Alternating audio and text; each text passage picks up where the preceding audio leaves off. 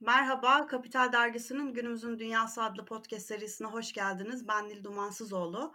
Bugün Yuvam Dünya kurucusu Kıvılcım Kocabıyık'la iklim krizini ve etkilerini konuşacağız. Aslında dünya çok uzun zamandır iklim değişimi ve beraberinde küresel ısınma sorunuyla mücadele ediyor. Ancak biz insanoğlu olarak bunun etkilerinin hayatımıza da dokunduğunu kusakta izlesek de çok önemsemedik. Şimdi Covid-19 pandemisiyle birlikte iklim değişiminin ekosisteme verdiği zararın belki de ilk sonuçlarını yaşıyoruz. Uzmanlar bunun bir başlangıç olduğunu söylüyor. Bu konunun önemini biraz daha anlamak açısından ben birkaç rakamsal bilgi de paylaşmak istiyorum istiyorum. Sera gazı emisyonlarımızı azaltmazsak 2100 yılına kadar küresel ortalama yüzey sıcaklıklarında yaklaşık 3 derecelik artış olacağı öngörülüyor. Dünyadaki 410 milyon insanın da şiddetli kuraklığa maruz kalacağı, 49 milyon insanın yaşam alanlarının deniz seviyesi artışından dolayı sular altında kalacağı öngörülüyor. İklim kriziyle mücadelede başarıya ulaşılmaması halinde Türkiye'nin de beklediği şey %50'lere ulaşacak milli gelir kaybı bütün ekolojik felaketlerin yanı sıra. Kıvılcım Hanım da bu fark farkındalıkla iklim krizine karşı ne yapabilirim sorusuna cevap bulmaya çalışırken bu arayış onu Yuvam Dünya isimli bir hareket başlatmaya yöneltti. Ve Borusan Turuncu'da yayımladığı iklim krizine karşı harekete geçiyoruz var mısınız yazısıyla herkese bu konuda mücadele etmeye davet etti. Merak edenler Borusan Turuncu'dan yazıyı da okuyabilir. Bunun bilgisini de verelim.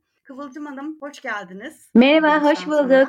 Ee, Yuvam Dünya'yı hayata geçirirken nasıl bu felsefeyle yola çıktığınızı bize kısaca anlatabilir misiniz? Tabii anlatırım. Siz de aslında çok güzel bilgiler verdiniz. Ara ara ben de bilgiler vererek anlatmak isterim. Çünkü hani iklim değişikliği gerçekten hepimiz duyuyoruz. Çok şey duyuyoruz fakat aslında çok şey bilmiyoruz. Yuvam Dünya Derneği iklim kriziyle mücadele etmek üzere kurulmuş bir dernek. Çalışmalarımızda ana hedefimiz iklim krizi ve tabii bu mücadeleyi kapsayan sürdürülebilir kalkınma hedeflerini de kapsıyoruz. Sizin de bahsettiğiniz gibi iklim krizi artık yaşamımızın hayatımızın her alanında. Artık sadece televizyondan Bangladeş'i, Filipinleri, Avustralya'yı izlemiyoruz. Bilim insanları bu krizi insanlığın şimdiye kadar karşılaştığı en büyük ortak sorun olarak görüyor. Maalesef bu hem beraberce üzerine gideceğimiz hem de tek başına yüzleşeceğimiz bir kriz. Dünya genelinde bu sorunun acil ve öncelikli gündem konularımızın içinde olması gerekiyor. Fakat dünyanın siyasi koşullarında görüyoruz ki sadece belirli bir kesim tarafından sahipleniyor. Pandemi sürecinde de çok iyi gördük ki hem bildiğimiz gibi yaşamayı sürdürüp hem de dünya dünyayı koruyamıyoruz. Sadece içinde bulunduğumuz yıl olan 2020'nin ilk 8 ayında 690 kişinin hayatını kaybettiği yaklaşık 110 milyar dolarlık maddi zarar oluştuğunu görüyoruz globalde baktığımızda. Tüm dünyada bu gibi olağanüstü olaylarla baş etmeye çalışırken maalesef biliyoruz ki ülkemizde bu felaketlerden en çok etkilenecek bölgelerden biri olan Akdeniz havzası içerisinde yer alıyor. İklim sıcaklığındaki artış zaten ılıman bir iklime sahip olan ülkemizin daha da sıcak olmasına neden olacak.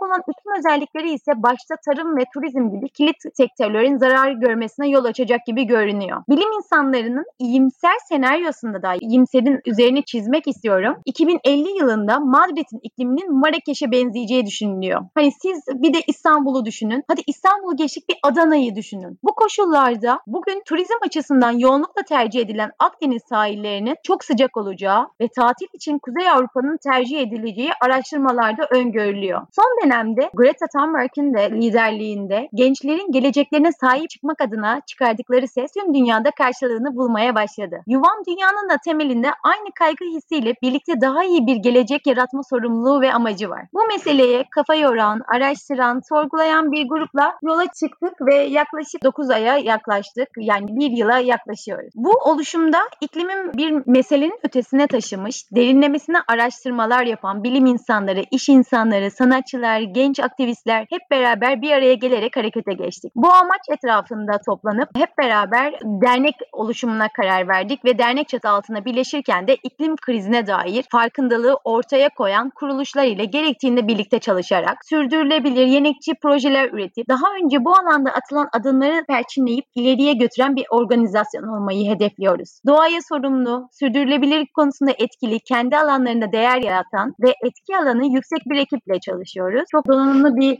yönetim kurulumuz, çok donanımlı bir gönüllülük kurulumuz oluştu.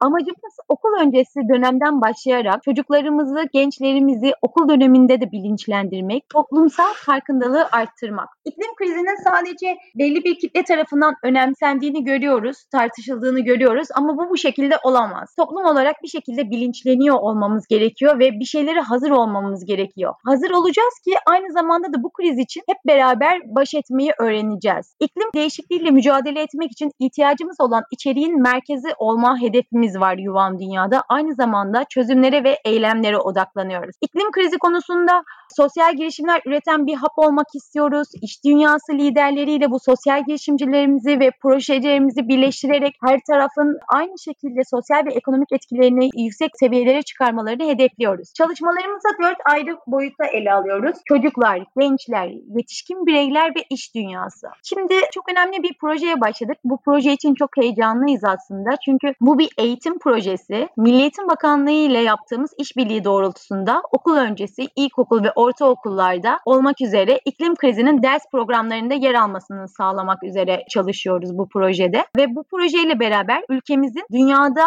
iklim krizini müfredatına alan ilk ülkelerden biri olması, çocuklarımızın bu krize karşı bilinçlendirmesini sağlamak amacımız. Değişen iklim koşullarında çocukların, gençlerin yaşadıkları dünya hakkında derin ve nüanslı bir anlayışa sahip olmaları ve daha iyi bir dünya için harekete geçmeyi istemeleri ve edindikleri farkındalık sayesinde iklim krizine karşı çözümler üreten, çevreye ve insanlığa fayda sağlayan bireyler olmaları vizyonuyla çalışıyoruz. Sorunun cevabı biraz uzun oldu ama. Yok çok anlaşılır oldu. Teşekkürler. Peki çok aslında yeni kuruldunuz değil mi? Mayıs ayında gibi biliyorum ben. Biz şöyle geçen sene aslında 2009 Kasım ayında çalışmalarımıza başlamıştık. Ama Mayıs ayında dernekleşmemiz oldu. Bu kadar uzun sürmesinin sebebi de araya giren korona dönemi, lockdownlar. Bu yüzden biraz daha geciktik aslında. Nasıl bir destek gördünüz peki? Sanat dünyasıyla, iş dünyasıyla işbirlikleri yapıyoruz dediniz. Kaç kişilik üyeniz oldu şimdiye kadar? Biz kendi içimizde bile 30 kişilik bir ekibiz. Yönetim kurulumuz, denetim kurulumuz ve danışma kurulumuzu sayarsak. Üye alımlarına henüz yeni başladık. Çok güçlü bir ekibiz. Herkes çok hevesli. Genç ve donanımlı bir ekibiz. Bu yüzden de hevesle projelerimize başladık. Bakalım. Hayırlı olsun. Umarım çok çok daha güzel olur. Çok, Çok çünkü teşekkürler. önemli ve gerekli bu alanda derneklerin güçlenmesi.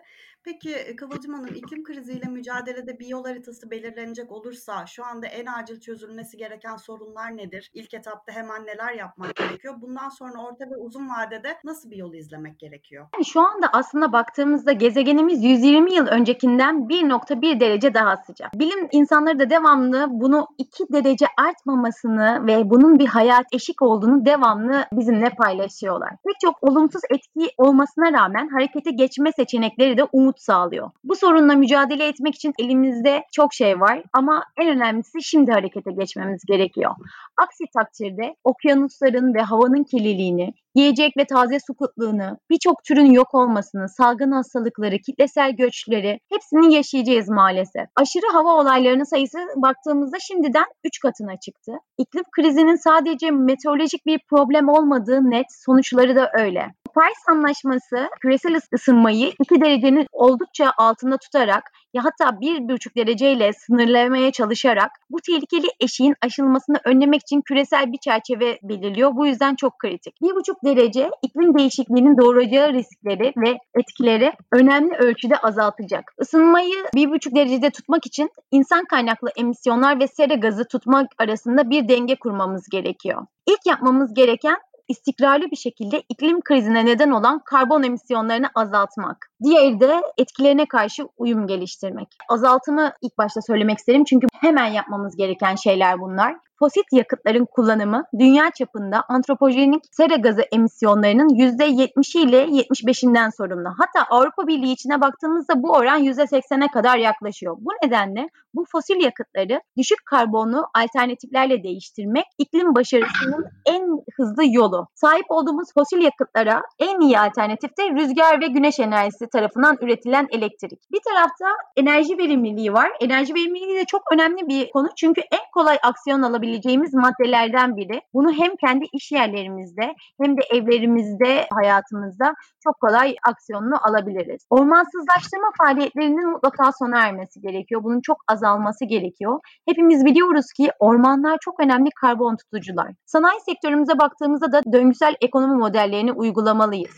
Bir diğer sera üreticisi de endüstriyel tarım ve hayvancılık faaliyetleri. Bu faaliyetlerin değişmesi yerini sürdürülebilir tarım ve hayvancılık faaliyetlerine bırakması gerekiyor. Bireyler olarak da alacağımız aksiyonlardan kısaca bahsetmeden geçmeyelim. Burada bence tüketimi azaltmak her şeyin başında geliyor. Enerji tasarrufu, sorumluluklar gözetilerek yetiştirilmiş yiyecekleri seçmek, beslenme alışkanlıklarımızı değiştirmek en önemli olan şey de aslında bu ayrıntıyı hiç es geçmemek lazım. Çok daha az et tüketmemiz gerekiyor gıda israfı yapmamamız gerekiyor. Bizler günlük alışkanlıklarımızı değiştirmeye başladıkça karar vericiler ve işletmeler bunu göz önünde bulundurarak müşterilerine ve vatandaşlarına uyacak şekilde değişiyorlar. Bunu da asla unutmamalıyız. Hani ben tek başıma yapsam ne oluru aklımızdan çıkarmamız gerekiyor. Çünkü aslında çok şeyi biz değiştirebiliriz. Siz e, çok uzun zamandır zaten tarımla da ilgileniyorsunuz. Bu konularla da bireysel olarak ilgileniyorsunuz dernekleşmeden önce. Aslında bu sizin yaşam tarzınız. Biraz da örnek olması açısından siz ne yapıyorsunuz? Mesela son 5 yılda, 6 yılda neleri hayatınızdan azalttınız? Ne tavsiye edersiniz bireysel olarak bu krizle mücadelede insanlara? Aslında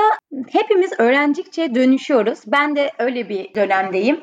Hepimizin dönüşüm içinde olduğumuzu düşünüyorum. Ben kendi hayatıma baktığımda evimizde mesela rüzgar enerjisi alıyoruz. Kendi elektrik sağlayıcınızla değişiklik yapabiliyorsunuz. Birkaç yıl önce permakültür öğrenmeye başladım ve kendi bahçemde permakültür uygulamaları yapıyorum. Tarımsal tarafta da daha onarıcı tarımı öğrenmeye çalışıyoruz ve onun uygulamalarını yapmaya çalışıyoruz. Evimizde kompost yapıyoruz. Hem çocuklarımla beraber bunu yapıyorum. Hem onlar öğrenmiş oluyor. Hem de toprağımıza çok daha organik içeriği yüksek bir gübre katmış oluyoruz ve gerçekten bunun faydalarını da görüyoruz. Enerji verimliliğine ben de çok önem veriyorum. Bizim evimizde fazladan açık bir ışık bulamazsınız. Evimizin yalıtımı değişti. Çok daha az yakıt tüketiyoruz bu sayede. Benim zaten beslenme alışkanlığım çoğunlukla vejeteryan şekilde ama evdekileri de daha bu konuda bilinçlendiriyorum. Çok daha fazla sebze tüketiyoruz. Çok daha az et tüketiyoruz. Aynı zamanda daha sezonsal ürünler tüketiyoruz. Daha yakın lokal ürünler tüketiyoruz. Karbon ayak izi çok olmayan ürünleri tercih ediyoruz. Mesela mutlaka ana muzu, alanya muzu tercih ederim. Gidip de Dominik'ten gelen bir çikita muzu hiçbir zaman tercih etmemeye çalışıyorum.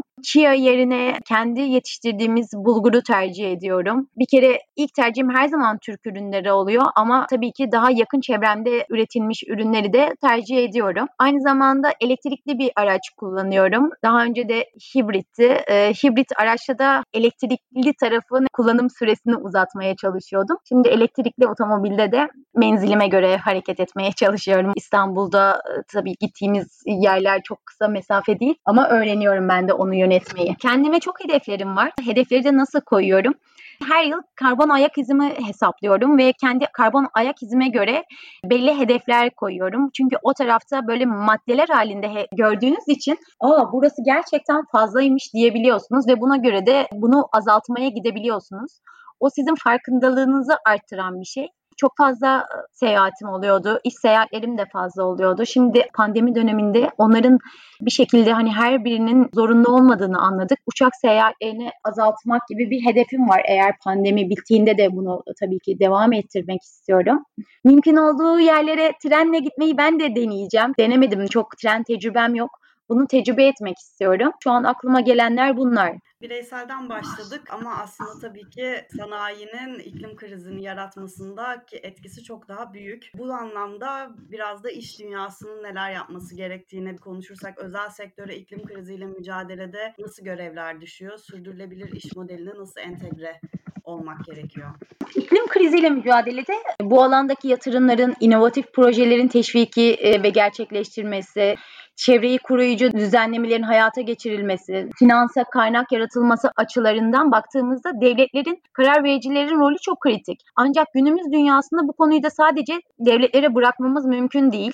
Hiç şüphesiz ki dünyada en güçlü ve etki alanı yüksek aktörlerden biri olan büyük şirketler, özel sektör, iklim değişikliğine güçlü bir karşılık vermesi gerekiyor. Bunlar ne olabilir? Sürdürülebilir, sosyal açıdan adil, dirençli ve iklim nötr bir ekonomi modeline geçmek gerekiyor mesela. Dünyamızı yok eden sosyoekonomik anlayışı yeni bir bakış açısıyla tasarlamalıyız. Karbonsuz, yenilebilir enerjiye dayalı, geri dönüşüm teknolojilerine, biyoçeşitliliğe odaklı, sürdürülebilir uygulamalara geçmeliyiz. Ve daha pek çok sektörde doğaya uyumlu bir dönüşümü gerçekleştirmeliyiz. Özel sektör dediğimizde de birçok sektör var bunun içerisinde ve her birinin aslında yapabilecekleri farklı. Son yıllarda sera gazı emisyonlarını azaltmaya yönelik önlemler tüm dünyada politika belirleyiciler ve özel yatırımcılara birçok durumda daha cazip de gelmeye başladı. Düşen teknoloji maliyetleri ve bunun yanı sıra önlenmesi gereken olumsuz etkilere ve sıfır karbon teknolojisi, altyapı geliştirme gibi azaltım önlemlerinin sağladığı